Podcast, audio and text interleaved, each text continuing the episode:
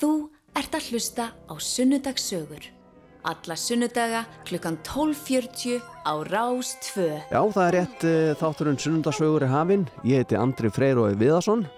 Ég ætla að uh, vera með ykkur hérna til klukkan 2. Ég er nú ekki eitt því að uh, gestur þáttarins er Móeður Júniusdóttir og hún er komin. Ég er að spjalla við hana hérna til klukkan 2 og uh, hún baði mig um að spila fyrir sig lag með hljóspinni Electric Light Orchestra. Lagið heitir Jungle. Af hverju vildum fá að heyra þetta lag? Eh, Það kemur ljós hérna rétt á eftir því að hún er mætt.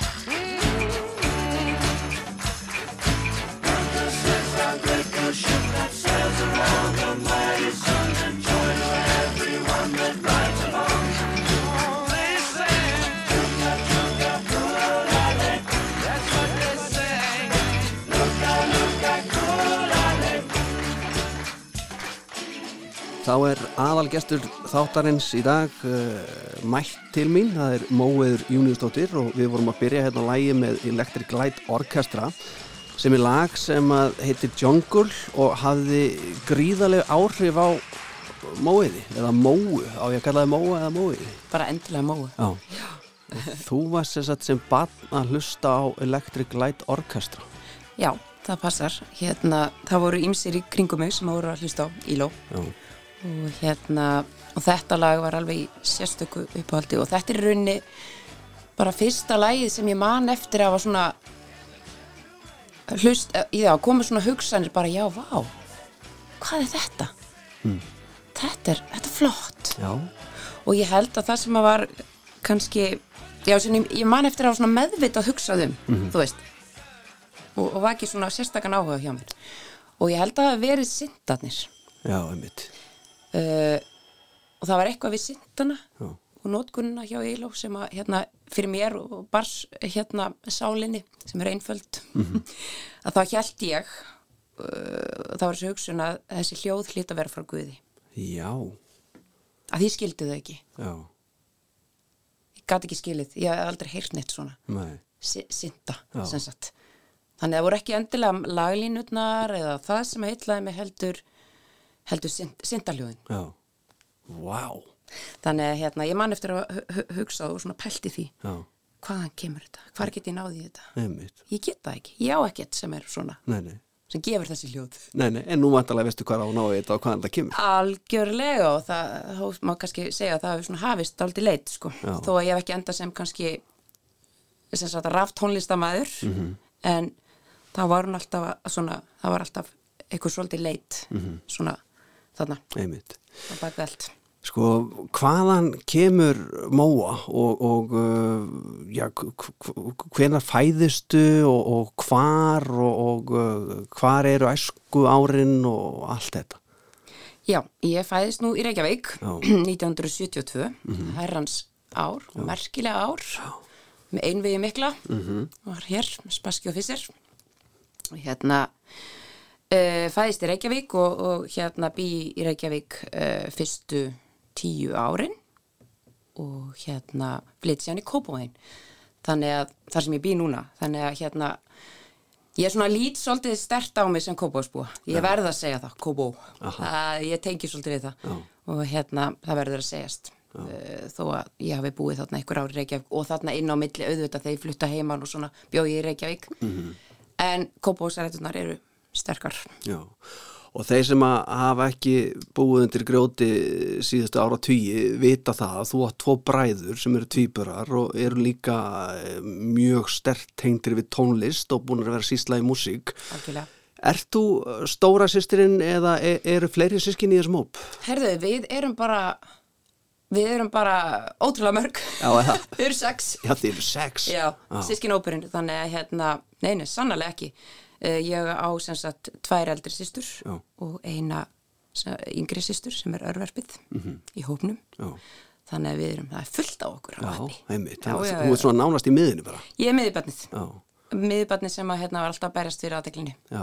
Hvernig gekk það? það gekk mjög vel að því ég beitti öllum ráðum algjörlega miskunnulegs í, í því að næla mér í aðteglina og, og, og ná í hana og ég lendi líka í þessu að því hún myndist á bræði mína þessu mikla áfalli því að ég var fjara og gummul að eignast týpar og bræður Úff, og það var alveg, þetta var gríðalegt áfall já, og hérna þetta er eftir ímyndaður þetta var bara mín, mín svona mitt ljúfa líf, það sem ég var miðpunkturinn var algjörlega bara fyrir bí sko. þannig að hérna, nú snýrist allt um bræðina djöfisins vandræði með. Djöfisisvandri. Já. og þeir voru líka uppáttekta samir og, og svona ótrúlega skemmtilegir og fjörir og, og, og hugmyndaríkir og hérna þannig að það fór þeir voru ekki að leiðast með ekki bræði mínir. nei. En þú tókst það svo setna í sátt. heldur betur uh, heldur betur ég hérna verðum hérna miklu miklu vinir og hérna og erum Já, og höfum unni mikið saman já. í, í tónlistinni við komum kannski að því aðeins síðar. Eh, segðu mér aðeins af foreldriðinum, að því að maður gruna nú að það hefur verið mikið um tónlist á þessu heimili. Hvað gerðu þau? Já, pappi minn hann var sagfrækur og jújú, jú, hafði gaman að tónlist spilaði á munnhörpu. Já, en, og eitthvað sargaði hann á fýðlu mér skilst að það hef ekki verið mjög merkilegt. En var alveg mjög tónelskur og, og hérna og hlusti á söng eitthvað. En kannski í tengi tónlistina kannski sterkar við mömmu. Já, og hérna hún sem sagt söng gríðarlega mikið. Og sérstaklega þegar hún var í góðu skapi þá byrjaði hann að syngja þannig að maður vissi að allt var orðið gott þegar hún byrjaði að syngja þannig að ég teng, alltaf tengt söng við eitthvað frekar jákvæmt sko það er bara hjúk maður byrjaði að syngja þetta er, þetta er allt, allt gott ég beðum pening núna. Já. Þannig að hún sérst læriði söng og, og hún var nú eh, læri leikona eða er Mhm. læri leikona og, og, og söng mikið var í, sem sagt, eh, já, í eh, víða, Mhm. -hmm. sem sagt ekki kannski opiðberlega og ekki, starfaði ekki við það en söngurinn var stór hluta af henni Já, og hérna, þannig að það var mikið sungið. Og, og, og svo var þetta náttúrulega kannski svona í fjölskyldunni af því að síðan amma mín og, og, og emmu sýsti mín, hún Guðmund Eilistóttir, náttúrulega óperusönguna, starfaði við það, það var, þannig að og amma mín var í óperukórnum þannig að þetta var svona hvað maður að segja, þetta var svona alveg í umhverfinu þú veist, þessi, þessi söngur og, og tónlistin, þó að kannski fóreldra mínir væri ekki, störfuð ekki við þetta. Eða legðu þetta ekki fyrir sig að- sem atvinnu sko. já, einmitt. En Var svona stort plötusafn á heimilinu eitthvað svoleiðis eða bara mamma að syngja og... það var meira mamma að syngja og það var ekki mikið plötusafn. Ég mann og það voru einhverju mjög skrýtna plötur þar sem voru til, ég held að hún bara verið meira svona baráttusöngvar einhverjir. Já, já, já, já, já. svona rústneskir baráttusöngvar. Já, mjög það var skemmtilegt, svoleiðis já, sko, sem var, skemmtilegt. verið, var til og eitthvað þá freka gamaldags sko. Það var ekki, ekki, ekki mikið á svona nýju. Nýju efni sko, það heyrði maður nú bara í útvarpinu Já, já. Sko, þetta er áttamanna fjölskylda sem að flytur í Kópavóin þegar þú er tíu ára gummul. Uh, maður veltiði fyrir sér þurftuði ekki svolítið stort húsnæði eða var allum bara þjapað saman í, í herbyggi? við þurftum stórt húsnæði og, og hérna, og reynda var þetta nú, við erum nú ekki öll þarna alveg á sama aldri, sko, þetta var nú Nei. ekki alveg þannig, elsta sýsti mín var flutta heiman Já, ok. Mhm. þegar þetta var og hérna, svo fættist yngsta sýsti mín í Kópavóinum, þannig að hérna, þetta svona, bæði kvarnaðist úr hópnum og, og hérna, og bættist í hann Já, í Kópavóinum og hérna, já, þannig að jú, jú, við, við fluttum þarna í hús sem að ákala gott hús og mamma býr þar já, og hérna búin að búa þar allir sér ár. Og þar er rúm fyrir alla, pláss fyrir alla sem það þurfa, sannarlega. Við hefur hýst marga, í stittur og lengri tíma. Komið sér vel. Komið sér vel, Já. já, Þetta er þá eh, 1982 eða ekki sem að þú flyttur í Kópavóin jú, 83 Já, 83 ég var að verða 11 ára gömul, já, Já. akkurat. Hvernig var Kópavóin þá? Hann var tölvöld frábærið því sem hann er í dag. Já, Kópavóðurinn var náttúrulega mjög út úr og, og ég man að vinkonum mínu fannst ég vera að flytja bara lengst út á land sko. Ég náttúrulega bjóði hérna í smáðu búða hvernig bara hérna ekki langt hérna frá, svo að veinum, svo að mýrinni. Og hérna þetta var bara, ég var bara, bara segja bless sko, þú veist, bara. Sé ykkur aldrei Já, aftur. Nei, sigur aldrei aftur, bless. Mikil dramatík. Þannig að þetta var daldi út úr sem er náttúrulega breyst gríðalega því að ég myndi segja að Kópavóðurinn sérstaklega gamli bærin er orðið mikill miðpunktur. Og þar liggja vegir bara í allar áttir, sem maður getur sagt sem svo. Já, já. Og hérna góði staður til að búa á. Og ég býð þar. Ég sem sagt fór alveg hringin Já, endaði svolítið á sama stað. Já, það er nú gott. Já, já, en búin að sjá svolítið heiminum í Já, já. já, já. En sko Kópavóin hefur nátt verið kallar eitthvað skonar eh, svona punkbær og Dr. Gunni hann þreytist ekki á því að komi fjölmiðla og segja að punk er náttúrulega var í Kópavóinum og með punkgöngunum sín og allt þetta algjörlega undugöngin og Já, já, allt þetta, Hamraborgin já, já, varst þú vör við þetta þegar þú varst uh, krakki? Mm, sko, ég er alveg aðeins svo ung Já, til að detta inn í punk já, sinnuna. en kannski séð punkarna Ég og sá, svona, það voru svona, svona einhverja eftirlegu kindur sko, þarna. En, og maður vissi alveg sko, ekki fara í undugöngi, maður, er úsalegt að fara þángað og eitthvað svona. Já, já. Og það var alveg svona meðvitund um þetta, þóttist aldrei svona röff, mm. -hmm. kópáðurinn þóttist aldrei svona röff, já. Og, og maður vissi alveg af punkurunum og svona, þetta var samt aðeins, þetta var svolítið líðundilokk, þegar ég flytt þarna sko og, og allavega ekki á hápunktinum sko. Mhm. og, og hérna þannig að diskoið var hérna líka og, náttúrulega bara nýbylgjan já, þú veist að dettin og hérna þannig ég kannski uppliði ekki góðbóðin beint sem eitthvað svona svakalegt punkara bæli sko en hérna eh, maður náttúrulega kannski bara þang já, já, en alveg, alveg, alveg svona samt sko þetta orðspor já, þú veist, daldið svona er hættulegt. Hættulegt sko. Hvernig krakki var þá móður? Móa spó, eins og ég var kölluð. Móa spó. Móa spó, Móa spóafútur Já, Hérna, já, þetta aldrei svona svona mjóslegin, en hérna ég var uh, frekar frekar einræn Já, og sjálfum með næg hérna og sótti strax í sem sagt heim tónlistarinnar. Og mér fannst svolítið þegar ég hugsaði tilbaka það er einhvern veginn hófst svona mitt svona vitundalíf það var í kringum píanóið og það er einhvern veginn opnaðist fyrir mér bara kom sér satt píanó á heimilið og, og við höfum öll fengið sem betur fyrr sískinni, tækifæri til þess að læra á hljóðfæri. Og það er náttúrulega gríðarlega verðmætt og, og óbúslega hérna mikil og góð mentun sem að maður færi gegnum tónlistina og ætti að vera öllum aðgengileg til ég.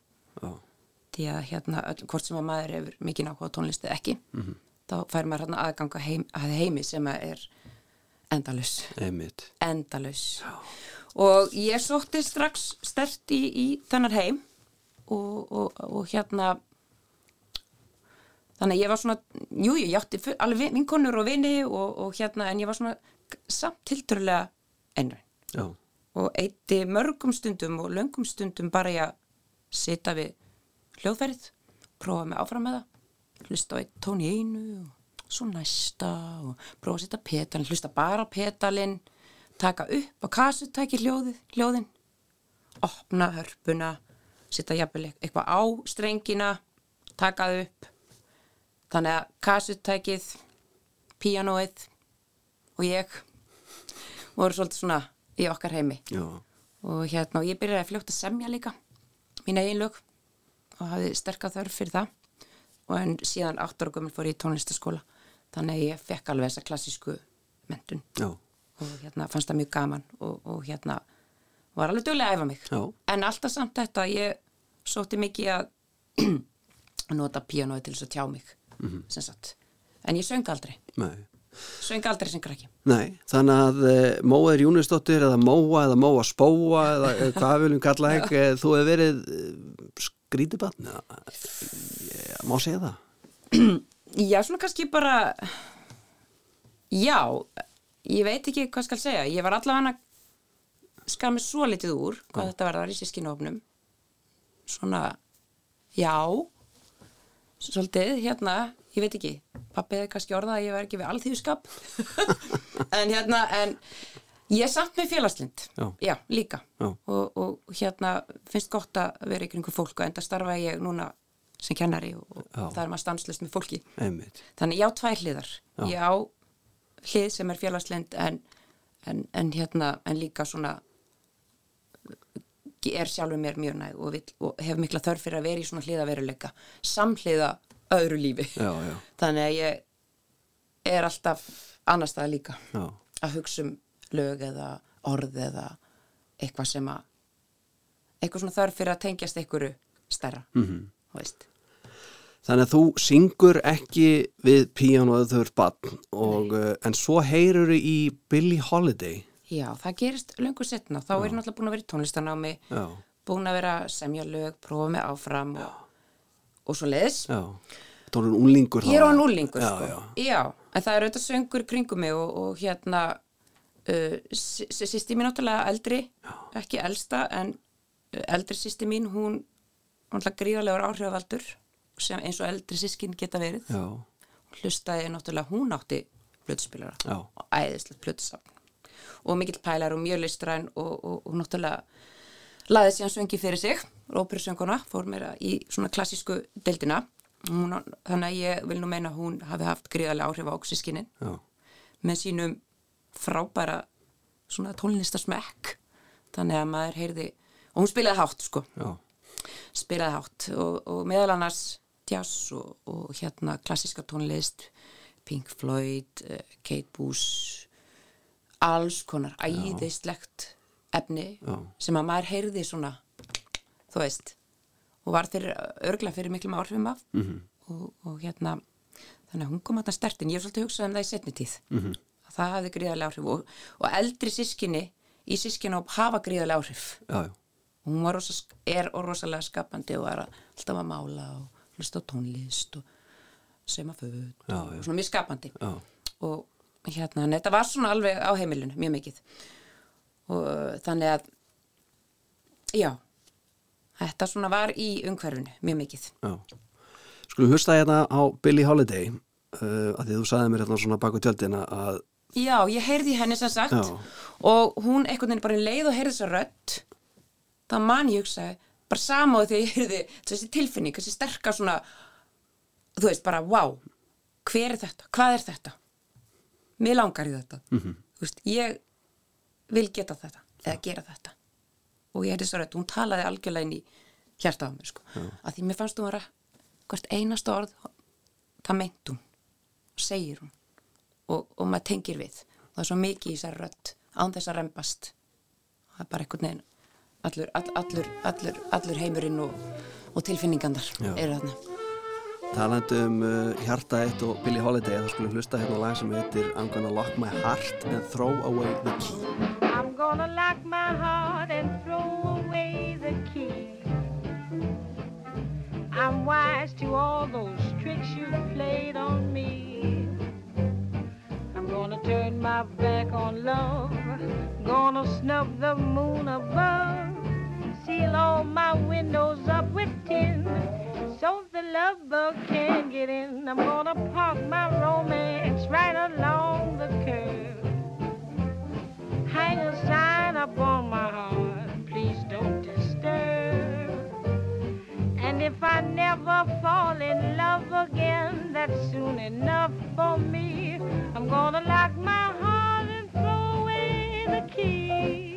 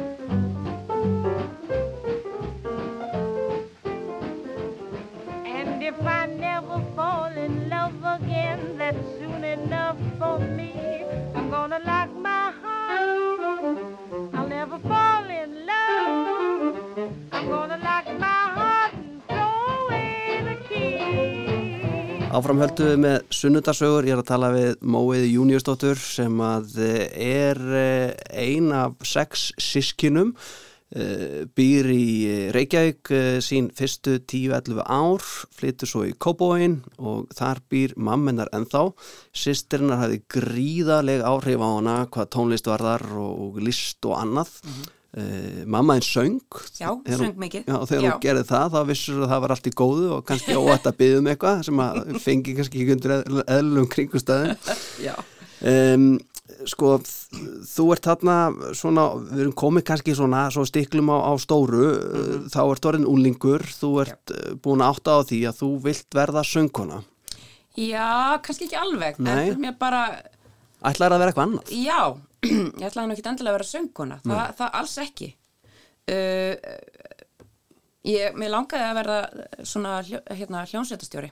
Já, Já, það var svona, ég, mér fannst það eitthvað eila flott. Er. Vera stjórna svona flott. vera kvenkins. Að því að aldrei sé svo leiðis. Nei, og það, mér fannst það eitthvað mjög heillandi en hérna ég fó- fór nú svo sem ekki þá leið en ég stjórnaði stundum aðeins svona í minni, minni hljósett, pínlítið já, já, en hérna, en þó bara ljúflega held ég já. hérna, þannig að já, þannig að en svo, já, ég ætlaði að verða hljómsveitstjóri en þegar ég var lítil þá ætlaði ég að verða að því ég myndist nú að hérna, bræði minna hérna áðan, þegar ég var í mjög vondurskapi þá langaði mig að vera galdranort Já, hljómsveitstjóri galdranort þannig að nei, söngkona kannski ekki beint nei, nei.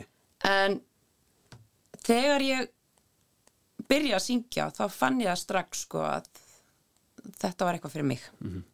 Þetta var bara einhvern veginn kom svo auðvöldlega og, og röddin bara var aðna var eins og hún hefði bara beðið eftir mér þannig að ég þurfti eiginlega ekkert annað en bara að byrja að syngja Já, á komið þetta.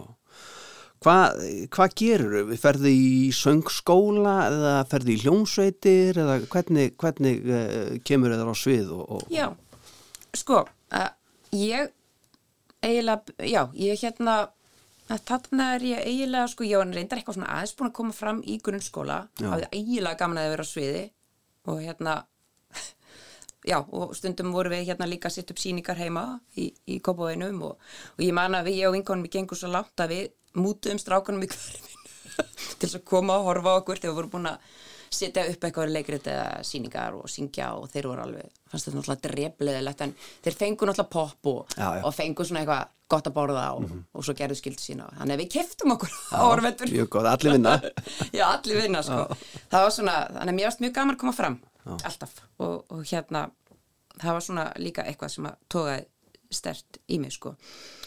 Og en svona kannski ég myndi segja byrjunin er svo að ég tek þátt í fyrstu söngkefni framhaldsskólana Já, það er svona kannski mín svona frumraun. Uh, uh, og ég tók það ákvörðum bara þetta var náttúrulega fyrsta keppnin, hún har aldrei verið haldin áður og ég er þarna komin í mentaskólinni Reykjavík og búin að vera að læra á píano og hérna hlusta mikið og þarna sé ég sko að það á að halda þessa keppni og égekundi bara heyrðu, kekja og, og hérna bara ákvað að taka þátt og hérna hafði í rauninni ekkert sungið sko Nei. fram að því, þannig séð ekki svona almennlega og hérna ég er vel með lag og ég er náttúrulega mikið þarna að byrja að hlusta á uh, bæði Billie Holiday og, og, og svona jazz söngunur og söngvara. Já, kannski söngvarinn sem heitluði, mig mest fann svona mestan samhljó við. Og hérna ég ákvaði sérst fæði þarna með mér uh, píjónuleikara og vel með leið þarna Every Time We Say Goodbye sem er svona hérna fallegur jazz standard. Já, og tek þátt. Og hérna og vinn keppnina. Þetta Já. og hérna þetta er náttúrulega alltaf okkur svona tilruna stigi þessar hérna þessar söngvakeppnir þarna.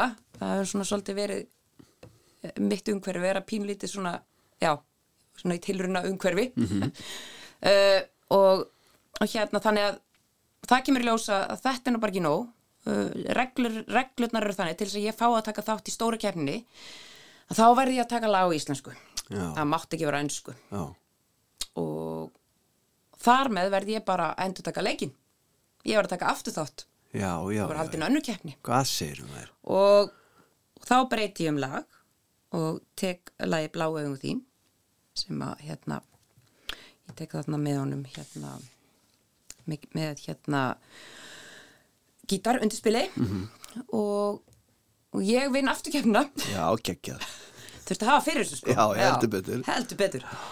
Og hérna og kemst í þessa fyrstu lokakeppni. Já, og hérna tek þar bláu augum þín. Og hérna lendi þar í öðru sæti. Já, og eins og frækt er orðið og Páll Óskar í þriða sæti. Og okkur fannst þetta mjög mjög súrt. Og hérna en, en þarna myndast mjög mikilvæg tengsl og, og hérna við förum að tala saman hérna baksviðs og, og enda með því að út úr þessu öllu hérna verður til samstarf hjá úlingum sem er öll aldrei svona eða sameigilegt að vera að hlusta á gamla standarda og, og jazztónlist og, og söng, svona kannski eldri tónlist. Já, ekki kannski bara þessa poptónlist sem verður gangi sem ég fannst þetta æðisleg. Ég hlustaði mikið á auðvitað djúran djúran og, og, og þessi bönd sko, nýbylgi bönd já, League og uh, bara allt mögulegt. Já, en við vorum svolítið, skárum okkur svolítið úr þarna því við vorum mikið að pæla þessari gömlu jazztónlist og, og bluestónlist og svo leis og það enda með því að við erum þarna kottnung og, og, og búin til band, myndum band, band sem heitir heitir nú fyrst Móa Palla Búðingarnir hefði min, minnir. Frábært nafn. það sé rétt, já. En það þótti ekki nú virðulegt þannig að við breytum um nafn og hétum jazzband Reykjavíkur. Já, og komum fram þarna eitt sumar. Og þarna voru frábærir hljóðfæraleikarar sem átt eftir að heldur betur að láta til sín taka setna Jóel Pálsson, Einar Valur Skeving og, já, já, já. og svona flerum já. já. Og, og hérna við vorum tvö söngvarar, ég og Balli og hérna komum þarna fram bara, bara með víða í bænum já. vorum bara skemmti kraftar Já, og var mamma ekki stolt? Jú, þau voru reyndar alveg steinhins á öllu, þessu öllu saman bjóst engi við að ég myndi fara þessa leið sko þó ég væri alltaf að spila. Uh, ég átti að verða svona lagfræðingurinn eða Mm. var svo duglega að læra og var alltaf ykkur svona já, sáu allir það fyrir sér sko. Já, já. þannig að, og var svo sem aldrei að syngja heima sko. Nei. þannig að þetta var eiginlega fyrsta sem þau sáu. Bara þegar ég kem aðna í sjónvarpinu það var bein útsetting að loka keppninu og, og það verði allir bara steinisa Já. og ég líka fó, vera, var eiginlega ekkert mikið að tala um það sem ég var að gera. Nei, þannig að það var svona bara þetta var, það eruðu allir bara já, svolítið hissa.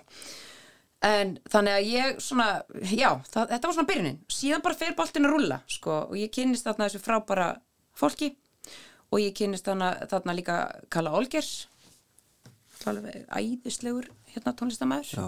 hann er þarna líka, stíga sín fyrstu skref og við verðum svona förum að vinna saman, ég og hann og, og, og það endar með því að ég og hann erum að koma bara fram út um allan bæ. Já, bara um helgar og, og hérna í partjum og, og börum og þú veist, bara út um allt. Já, já, þannig ég er hann bara farin að sem mentaskóla stelpa farin að syngja bara í rauninu og veist, og svona að atvinnu já, já Þannig að var þessi hópur svona einhvers konar mm, íslenska útgáðan að Mickey Mouse Club sem er heyrið svo mikið um í, heimaldaháttum öðru slíka sem að allt þetta hæfileikar eitthvað fólk kemur úr Nei, ég held að við höfum verið ofskrítin til þess sko, Já. hérna, Íslenska útgáfan. ekki. Já, kannski, ég veit það ekki nei, nei. Allavega vorum við svona, áttum þetta sameigilegt sko, og hérna þetta var bara æðislegt og, og svo, svo fóru bara allir í sína átt sko, en þetta var samt svona ákveðin svona, hvað að segja, byrjun. Allavega hjá mér og, og, og Palli fór síðan og náttúrulega á full líka. Já. Heldur betur. Og, og, og auðvitað allir, allir hinnir þannig að hérna þannig, svo, svo, þannig að ég fyrir að koma fram að það mjög ung og, og það var bara mikið að gera hjá mér. Ég var bara í mentaskóla og, bara farin að starfa þarna sem söngkona. Já, en samhliða er ég náttúrulega alltaf að semja líka. Já, og, og ég síðan ákveð að, að gera eh, þessum, þessu prógram og þessum lögum öllum, þessum jazz, segja, þessum jazzperlum og íslensku hérna söngperlum, að því ég gleymi því náttúrulega eftir, í kjölferði á þessu þá erum við bóðið að taka þátt í síningu á Hótel Íslandi, það var svona mjög vinsælt á þessum tíma að vera með síningar einmitt. á Hótel Íslandi, það voru svona stórar hljónsettir og söngvarar og svo kom fólk og gætt borðað og þetta var alveg risastóra samkomur. Já, Dinner á sjó Já, dinner á sjó Já. og mér er bóðið sem sagt þarna mentaskólastelpina að taka þátt í svona sýningu sem hétt aftur til fortíðar. Einmitt. Og hérna það er líka kannski svona ákveðið verið svona ákveðin stökkpallur fyrir mig. Að, að, og, og þarna söngi fyrir mjög marga Mhm. og, og var þarna að syngja gamlar guml íslensk lög. Já. þarna var heimurinn nú tölvert einfaldari Já. Að mörgu leiti fyrir samfélagsmiðla og allt þetta sko. Þannig að ég, sérst, mér bóðið að ég, ég er fulltrúið sérst þessara sýningar e, í vinsalasta þætti þjóðarinnar þessum tíma, tali hjá þér Já, Vá. og það var nú bara þannig að sá sem fór í þann þátt, hann varð bara þjóðþektur já og það var rauninni það sem að gerðist hjá mér að ég fer þarna og synga eitt lag og, og eftir það var það ekkert aftur snúið sko Nei og hérna það já þarna var náttúrulega allir línulega sko hérna, já, já. það var hérna dasgráðan var línulega og hérna þú náðir til all, allir að horfa Allir, sko. já. þannig að það, það vakti bara fjall í góðan hljómgrunn Mhm. og, og hérna og eftir það svona já, bara fer ég að syngja meira og meira og hérna kem við það fram og síðan ákveði ég þarna að loka í raun og veru þessu tímabili uh, og gera uh, plötu með þessum jazz standardum sem að fekk nafnið Móa syngur lögin við vinnuna. Einmitt. Og var í rauninni bara þessi samasafnaði þessum lögum sem ég hafði verið að syngja. Já. og þannig vildi ég kveðja þau. Já. Og þar er einmitt lægið sem þú syngur í söngakinni framháðskóluna Mhm. Bláu augun þín Ef við ekki bara hlusta á það? Jú. Bláu augun þín Blika djúb og skæ Vísa leiðina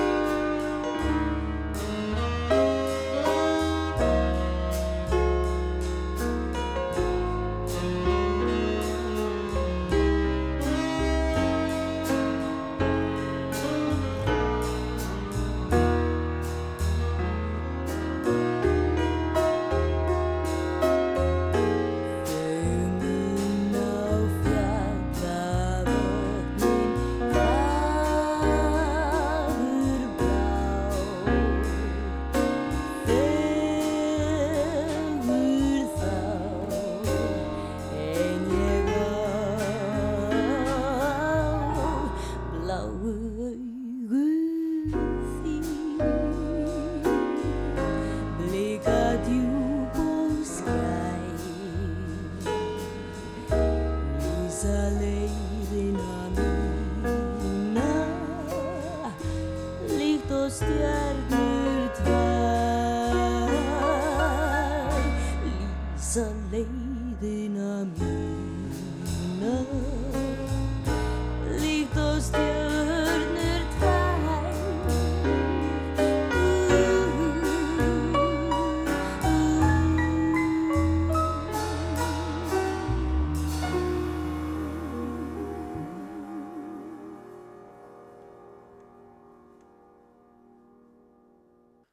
Já, þið er að hlusta á sunnudagssögur hér Rás 2, ég er að spjalla við Móiði Júniusdóttir og hérna rétt hann þá vorum við að hlusta á uh, lægið Bláu augun þín sem að hún söng í söngakefni framhaldsskólana og uh, hún fer svo á Hótel Ísland og uh, komin allt inn á mentaskóla aldrei farin að syngja þar fyrir fullum uh, sal og fólki sem er að guffi sig einhverjum ægilega fínum réttum og það er dinner og sjó og hún lokar þessum ferli með því að gefa út plötuna Móa syngur lögin við vinnuna.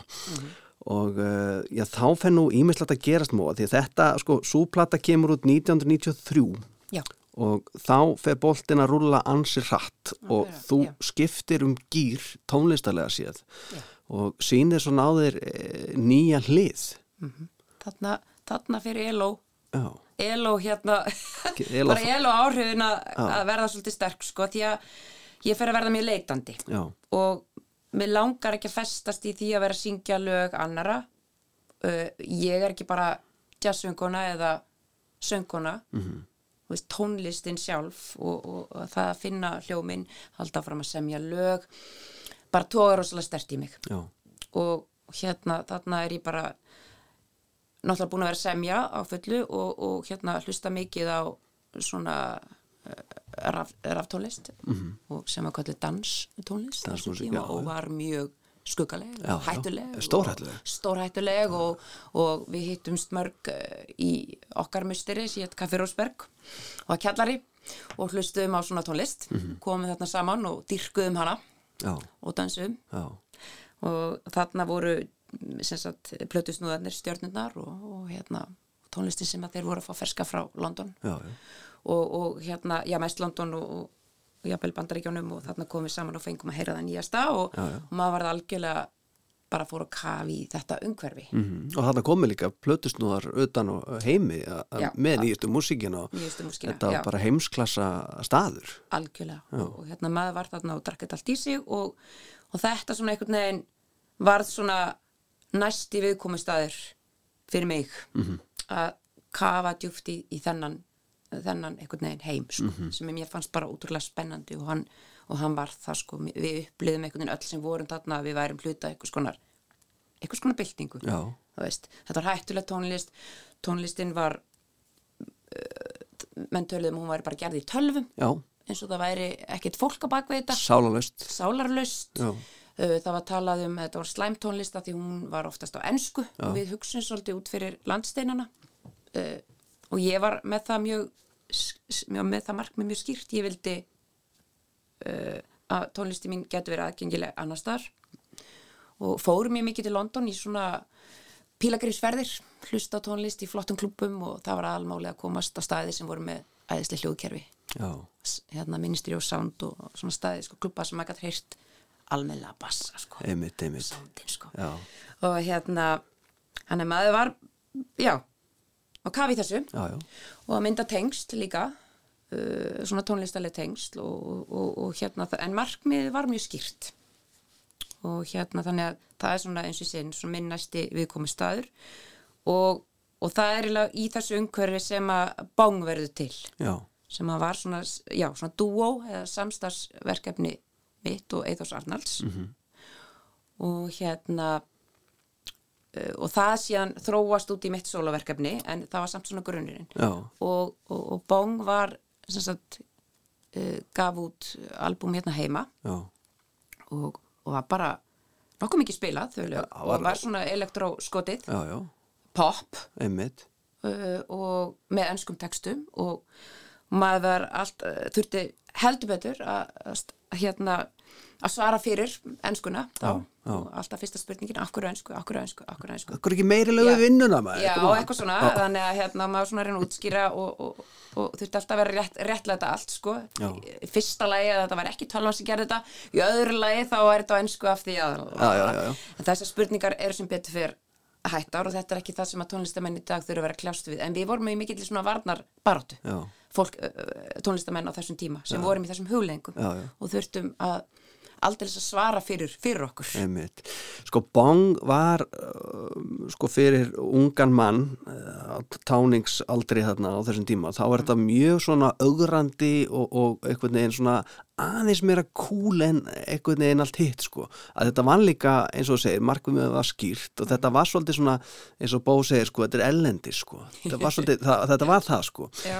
og þú og Eithor eru þessi duett og það náttúrulega var ekkert mikið af svona, svona duettum skilur á þessum tíma. Ekki hérna heima, Nei. en Erlendis já, já, já, já, alveg nóg að því sko. Já. og þið voru par á þessum tíma Já. og voruð eitthvað svona í miðlum svona eins og er kallað í dag svona power couple.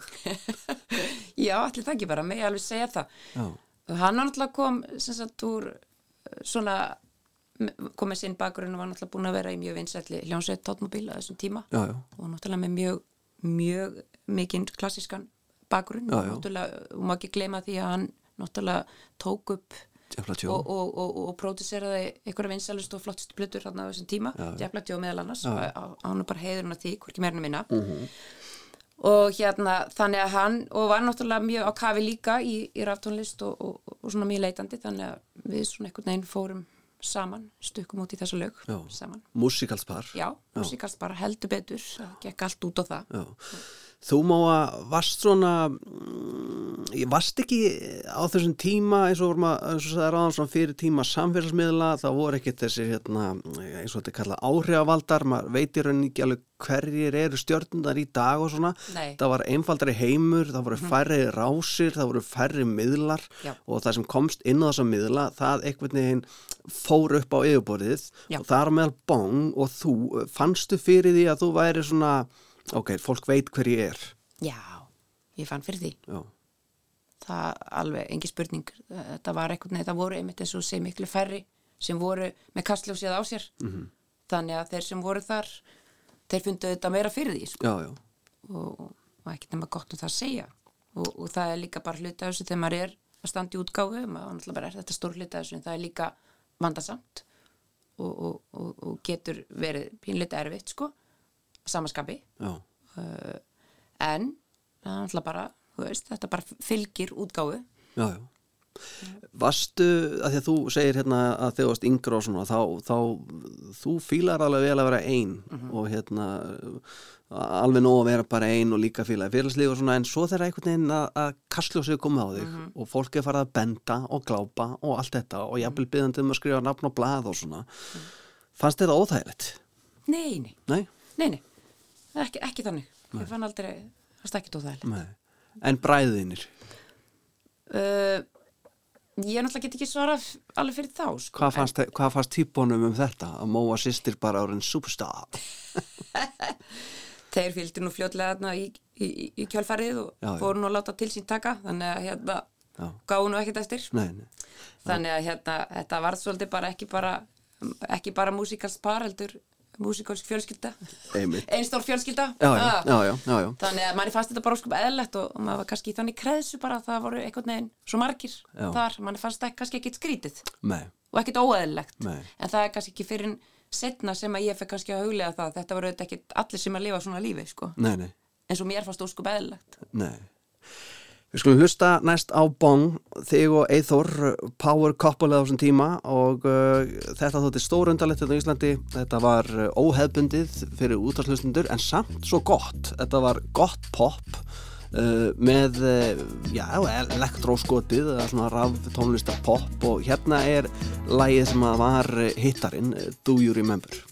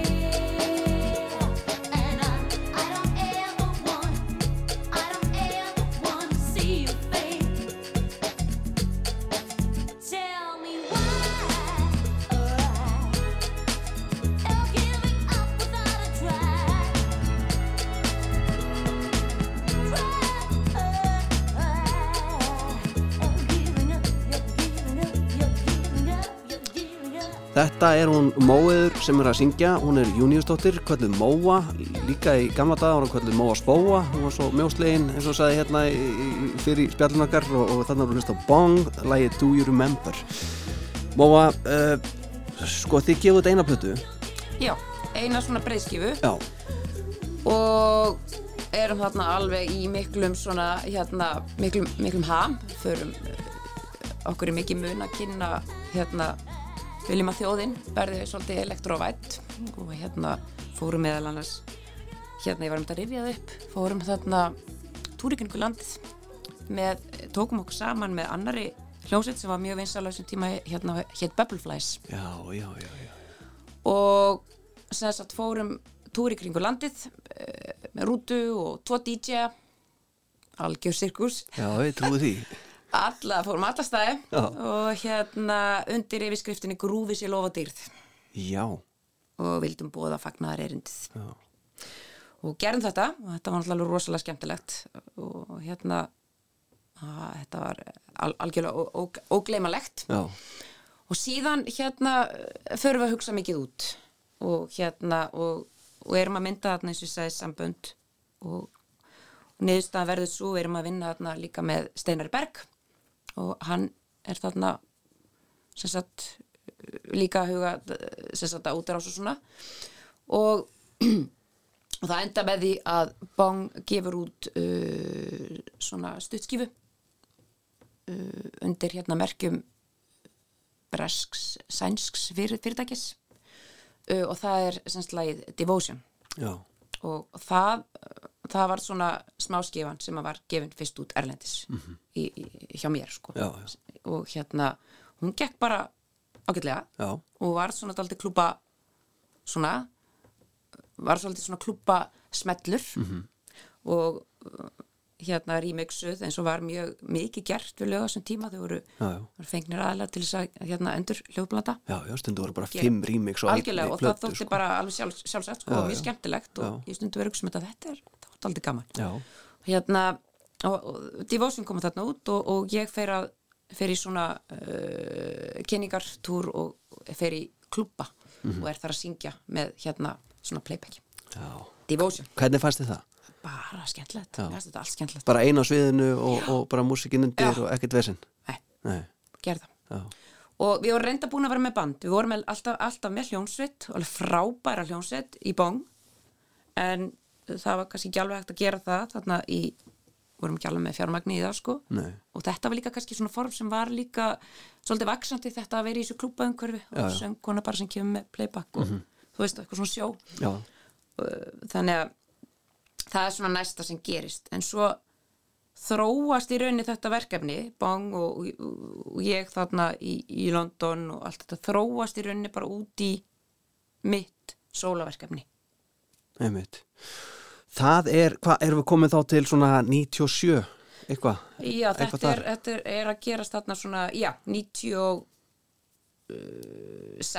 Mhm. 7 Já, og þarna er ég líka búin að lendi alls konar, því maður er nú búin að já, koma víða við, þarna var maður búin að taka smá svona uh, heimsóknin í, í teknina sem var öll að gerast á þessum tíma alveg gríðarlega spennandi tímar uh, internetið að verða til eða almennt Mhm. og menn að hugsa hvernig er hægt að nota þetta, þetta er til internetið, Já, já. hvað, á að gera við það. Já.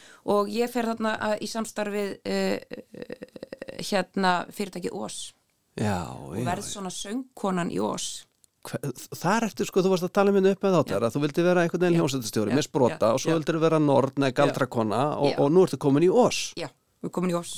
Akkurat. örlegin og ég verð þarna svona söngkonan og andlitið hjá þeim til þess að kynna nýja tekni Já. og við ferðumst út um allt og, okkur er fyrir þarna stóra sýningar í bandaríkjunum uh, þar sem er verið að kynna sérst nýjustu tekni uh, og þeir voru, og ég er þarna söngkona sem að kem í fyrsta skipti fram með sjó í virtual reality eða Vá. í síndar heimum Það er Ég rosalegt. var að tengdu svona snúrur og nótu tækni frá NASA Já, svakalega gróft og ég stjórna mínum svona minni fígur sem er ég í síndarheimum að koma fram í síndarklubbi.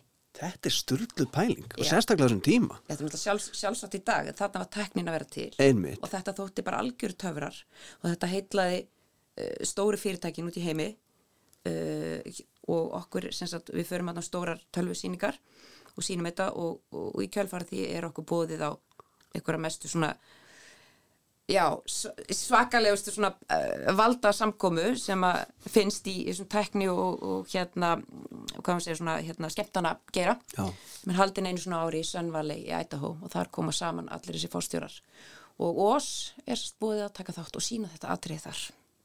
Já, hérna og okkur er bara öllum flóið þangað í Sönvali með það sem eru stattir Bill Gates og, Rupert Murdoch og bara allir Já, í þessum tekni gera. Og hérna og við vorum látin sína, sína þetta atrið já, og þetta var alveg, þetta var ótrúlegt fyrir okkur allir sem að tókum þátt í þessu. Alveg gríðalegt æfintýr að vera þarna í hjarta hjarta í rauninni uh, bara tækni hjartanu þar sem allt er að gerast. Já, já, og það er að kynna það allra nýjasta í heiminum. Já. fyrst. Það kemur þú alveg út úr výrið Já, eh, upp á já. svið og með hérna, einhvern síndaverleika í kringu því og já, í búning og öll tengd og þetta var náttúrulega allt mjög stressandi vegna þess að eins og með teknina hún er alltaf eins, hún er alltaf að klika. Þannig að þetta var gríðalega stressandi. Og klikkaði mikið það? Nei, þetta hófst, Já. en þetta var skal ég segja þessum komið að þessu eh, í guðminn góður, þvílgar andvöggur nætur og, og hérna þvílgar hetjur sem stóðu að þessu. Þetta, en þetta var, þetta var annað æfintýri sem að var algjörlega ógleymalegt og, og, og alveg ótrúlega verðmætt að fengja að taka þátt í og vera með í þarna í þessari tækni tækniverð, þetta er svo spennandi tímar Já. þarna var bara tæknibildinga í þessi stað sem gerist ekki oft Einmitt. Einmitt. Þetta er rosa stórt stökk úr sagt, rútunni frá partypinnunum í, í Bubbleflies og svo ertu bara komin bara með Bill Gates og félögum bara að sína þeim út af hvað tæknin gengur sko. Já, ótrúlegt Já. Með mínum félögum þarna sem voru náttúrulega algjörir snillingar sko. Andlit og rödd ós. Já, já þarna. Þetta er alveg magna. Já, Þú bjóst mikið- ekki við þessu. Þú, Nei, ég bjóst ekki við þessu, Nei. alls ekki sko. en, hérna, en, en ég var þarna í góðum, góðum félagskap. Já. Við skulum hlust- hlusta næst hérna á lag sem að er sko úr þínum sóloferli, heitir Joy and Pain. Það var fyrsti singulli minn. Já. Líðum á.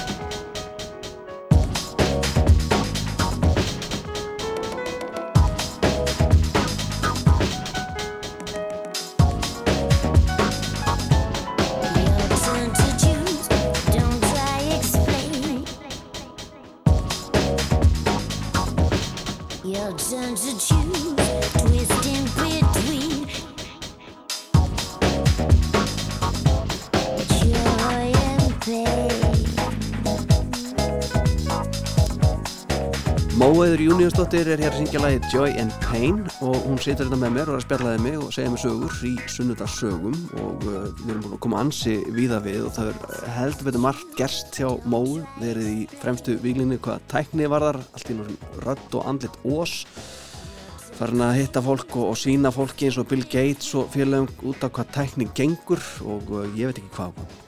Uh, Móa, þú uh, sko sko við getum alltaf vera að tala hérna sko í átta klukkutíma en, en, en sko tæknin hér býður ekki upp á. Það þannig að við þurfum að stikla á þessu stóru. Það er ímislegt sem gerist. Þú sko ferð svo loksins að spila með bræðröðinum, tvíbráðbræðrunum sem þú vildir ekki sjá Akkurat, verður í minni best félagur Nei, þannig er að, að þarna, það gerist ég síðan næst er það að ég ger plötsamning uh, sem, sem sagt Móa, solo, arti, eða solo listamæður og ég gerir sérst plötusamning við bandaríst fyrirtæki um, sem heitir Tommy Boy og er sagt staðsett uh, uh, Manhattan í New York. Og bara þekkt fyrir að vera svona hip-hop, að vera bara leiðandi Já, sem já. sagt, uh, House of Pain og fleiri já, sko. já, akkurat. Og, og, og hérna, þannig að þa- þar enda ég með mitt stefni sem ég var búin að vera að vinna. Já, og, og þannig að þeir ég verð þeirra listamæður og þeir gefa út sagt, þessa plötu sem var mjög langt komin reyndar á þessum tíma þegar þeir gera samningu við mig. Og hérna og það er einhvern veginn í þessu þessari fyrstu soloplötun minni þar reyni ég einhvern veginn að að koma einhvern veginn öllu þessu til skila. En að tvinna þessu öllu saman sem sagt elektrotónlistinni og jazzheiminum uh, og hérna þarna einhvern veginn er þetta alltaf tvinnast saman já. er það ferðu þá svona á þessar slóðir sem að oft er kallað trip-hop? Já, þetta er svona það var eiginlega kallað bara jazztrónika. Já, já, það er þetta flott. Jazztrónika ekki elektrónika að því að allan sá ég það ykkur staðar. Já, En já, getur kannski setta ykkur staðar í það umhverfi. Mhm. En kannski heldur, þetta er kannski aðeins poppara. já, já, Já. einmitt Já. gekk það ekki sem skildið það Jú, við fórum, þá koma bræði minnir til sjónar Já. og það er myndað þarna hljónsveit Já. og við sérst förum að fylgja eftir uh, þessari plötu og þessari útgáfu og, og förum í tónleikaferðir, bæði í bandaríkjunum og platan komin þetta fyrst út í Evrópu, Mhm. svo árið setna í bandaríkjunum. Þannig við förum uh, í tónleikaferð og hérna og þetta band var náttúrulega ótrúlega skemmtilegt að reynda að láta það endur spekla í rauninni tónlistina sem að var, þannig að það var jazz trommari uh, og hérna Sintar uh, bassi, Kitty bróður minn spila bassa. Svo kom reyndar Gulli bróður minn aðeins setna inn sem trommari. Svona urðuskipti. Þannig að hérna þetta var líka hljónsveitin -hmm. Móa, já, sem sagt í þessu, þessu, þessu verkefni. Já. Þannig að það er einu undan Moa and the Vinyl Sticks. Nei, já, það er undan, Já. já, það er undan. Og, og hérna, við sérst fylgjum þessari plötu eftir og ég geri þannig einhver æla flott vídeo og, og hérna fyrir vilt að viðtölum og, og bara, já, er algjörlega bara að fylgja þessu öll saman eftir. -hmm. og það var mjög skrítið að vera allt í einu orðin svona þú veist, maður var náttúrulega búin að stjórna öllu alveg sjálfur Já. fram að þessu já, uh, en þarna er maður komin inn í já, svolítið svona uh, já, komin að, svolítið inn í heim fullorðina, heldur betur djúbalögin sko djúbalögin, Já, sko, já. það sem eru mikli fjárhagslegir uh, hagsmunir maður er söluvara Mhm. og hérna fólk að velta fyrir sér hvernig maður væri klættur og, Mhm. og hvernig maður væri og, hérna, maður væri kannski betur að vera eitthvað neins svona eitthvað hvernig hendaði þér? Ég bara, svo sem allt, maður pældi ekki í þessu, Nei, nei, nei. bara ungur og, Já, já. og bara Já, þe- þe- þetta fólk lítur að vita hvað er að tala um og, Já, já, já, að ég, svo sem alveg mínu skoðanir þau eru svo sem ekkert mikið, ég var nú ágætlega klætt og Já. átti ágæta skó og svona já, já, já, oft er Þannig- smekli já, já. oftast ágætt já, já, já. þannig að þetta þurfti nú kannski ekki að gera neitt byrjalega mikið Mhm. en þetta er svona samt sko, þetta er náttúrulega bara eh, þetta er, þetta er viðskipti sko Mhm. og, og hérna og það, þá náttúrulega er leikurinn orðin ansi svona já, fullorðins. Já, bara taka á. Bara taka á sko, Já. já, og mikil vinna. Já, og hérna það, hún kemur út og, og bara vel tekið færi vilt bara þokkalega dóma og svona en það kannski maður svona var ekkert að hugsa um að bara gerði tónlist ekkert að hugsa um að gera það fyrir neitt heldur bara, maður bara í uh, svolítið leitandi sko. Já, og kannski ekki endilega ímynda sér að maður var að gera eitthvað vinsaldapop það var alls ekki markmið. Nei, maður var bara að finna tónin já, þú veist. Og, og hérna síðan svona fer, fer þetta að verða sko svolítið já, ég fer svona svolítið að missa áhugan í raun og veru á þessu. Og, og, og líka bara kannski líður ekkert vel í þessu, þessu umhverfi sko, þannig að svona úrverður eftir alls konar sem ég kannski þarf ekki að fara út í mm nákvæmlega en, svona ég svona ákveð bara þarna eftir þetta að fara eiginlega bara, já, svona aðeins að fara hugsa málið. Jú, og þá komið svona alls konar baktankar í mig varðandi þetta allt saman. Með orðandi tónlistar Já, Ferilinn þá, svolítið sko. Já, Já, já. ég myndi segja það.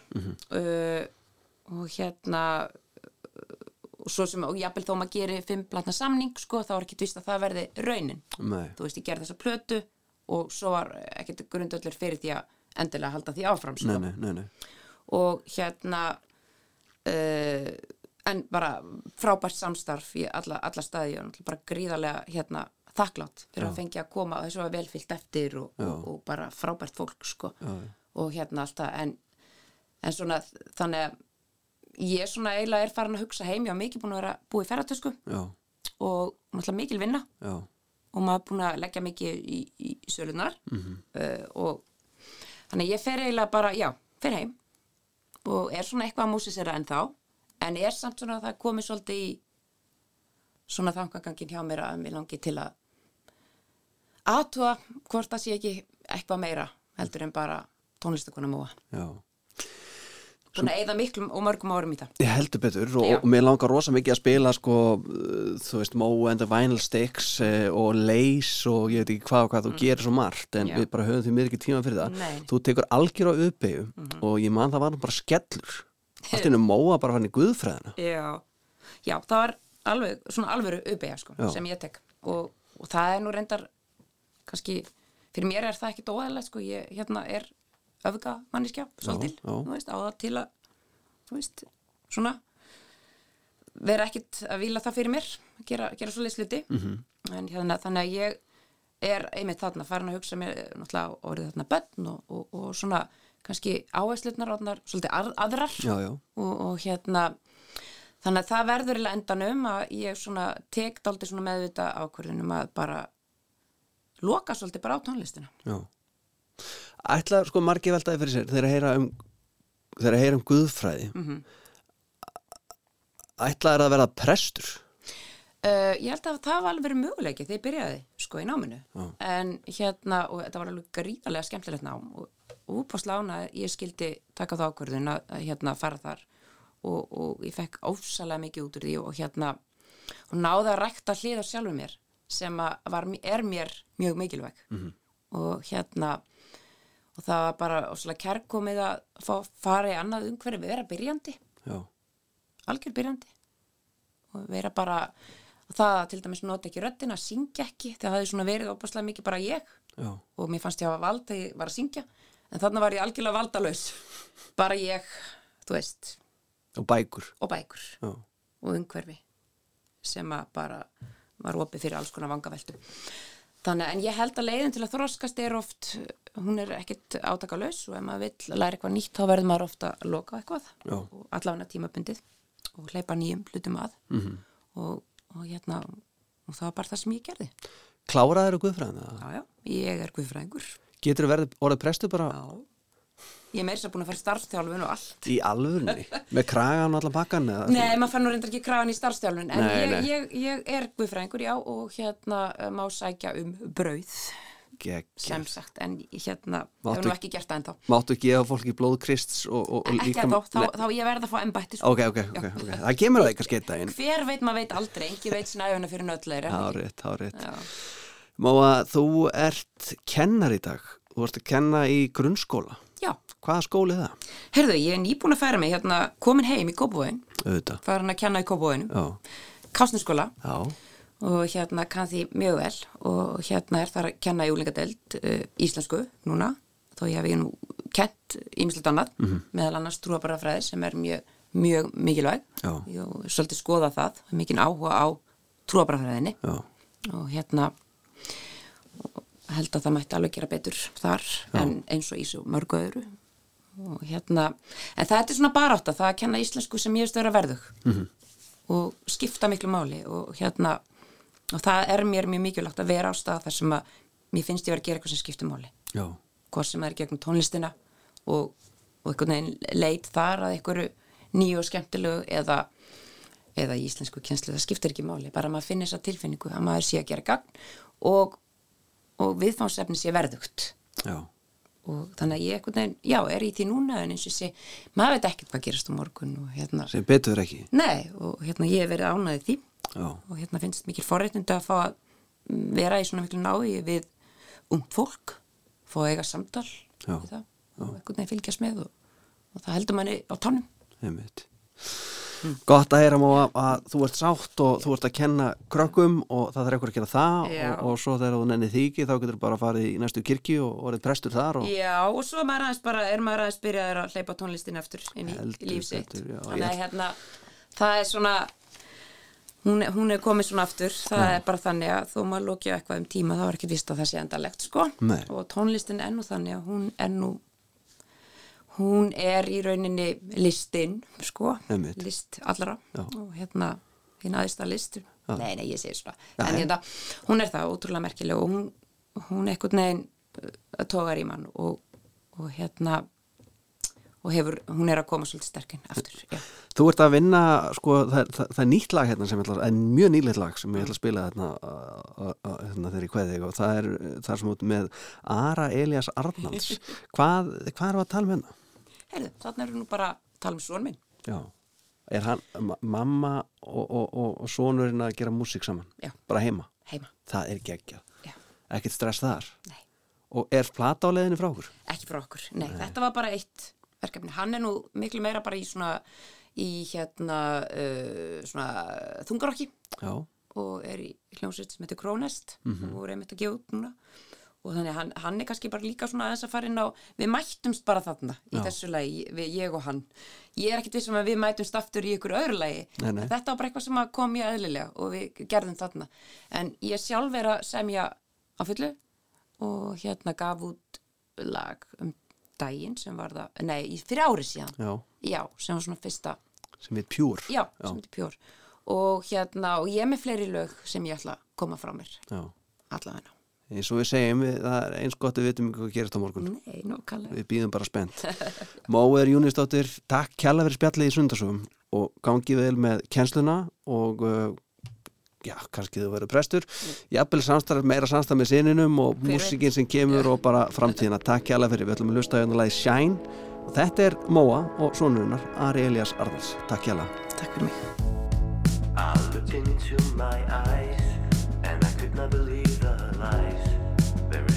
Much in there that I've always tried to deny. I'll wander in the dark wherever I need to go.